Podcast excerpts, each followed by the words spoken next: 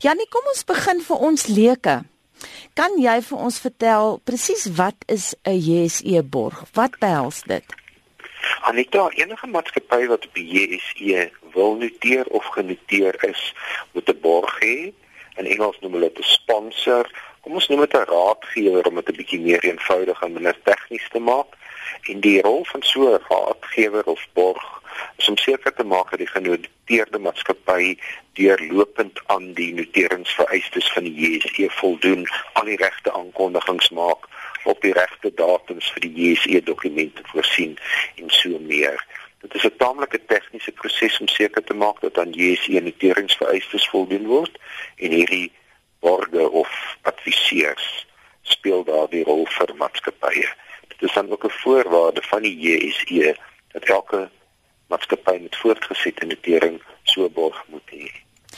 Waarom sou River Group sy borgskap aan ook by Resources and Energy onttrek? Anita, uh, River Group sê daar is risiko's verbonde aan 'n voortgesette verbintenis met die maatskappy.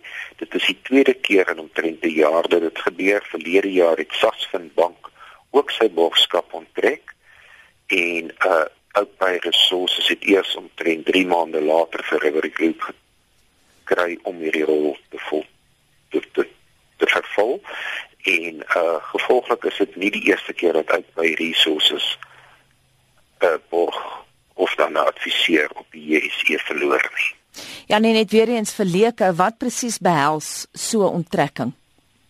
Dit beteken dat ook by nie meer aan die noteringsvereistes van die JSE sal voldoen na die onttrekking van die borg nie en dan binne 30 dae 'n nuwe borg moet kry. Hulle kan wel met die JSE onderhandel om 'n langer tydperk te vir 'n langer tydperk om 'n nuwe borg te kry. Vorige geval het dit op 90 dae geneem. As hulle nie 'n nuwe borg kan kry nie, sal hulle notering op die JSE opgeskort word en sou hulle aandele nie langer kan verhandel nie. Is daar 'n spertyd? Wel, uh, die JSE se noteringsvereistes sê 30 dae, maar jy kan onderhandel tot 90 dae.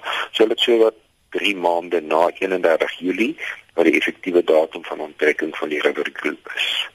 Kom ons kyk 'n bietjie na die langtermyngevolge hiervan op die Gupta beheerde maatskappy. Uh, Anita daar word al uh, geruime tyd vra oor Outpay gevra. Daar word natuurlik vra oor die hele Gupta familie en hulle tentakels in die Suid-Afrikaanse ekonomie gevra. So hoe die hierdie ding in die langtermyn gaan uitspeel is nie vir ons duidelik nie. Wat wel vir my duidelik is, is dat Suid-Afrika hier in 'n absolute ekonomiese en politieke krisis is. Ons moet nou net ons bes doen om hierdie Zuma administrasie met die Gupta invloed te oorleef. Dit is my duidelik dat Suid-Afrika na dit alles 'n regering gaan hê wat ek wil noem 'n regering van nasionale genesing. Ons moet leer om almal weer mekaar te vertrou, mense onderling en mense die regering vertrou.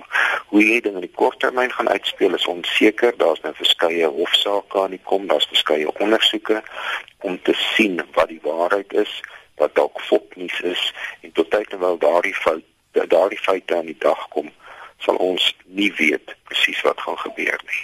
Jy het nou verwys na die Gupta se tentakels, maar hoe dink jy gaan hierdie storie nou hulle ander sake belange raak? Mense gaan huiwerig wees om met die Gupta sake te doen want daar is 'n reputasie risiko om dit te doen. Maar natuurlik aan die ander kant doen regeringsondernemings en baie staatsdepartemente met die Gupta sake en daaruit sal die Guptas nog steeds staan slaag om baie winsgewende sake te bedryf. Hulle het byvoorbeeld kontrakte met Eskom. Dit blyk nou dat hulle betrokke is by die verskaffing van lokomotiewe aan Transnet.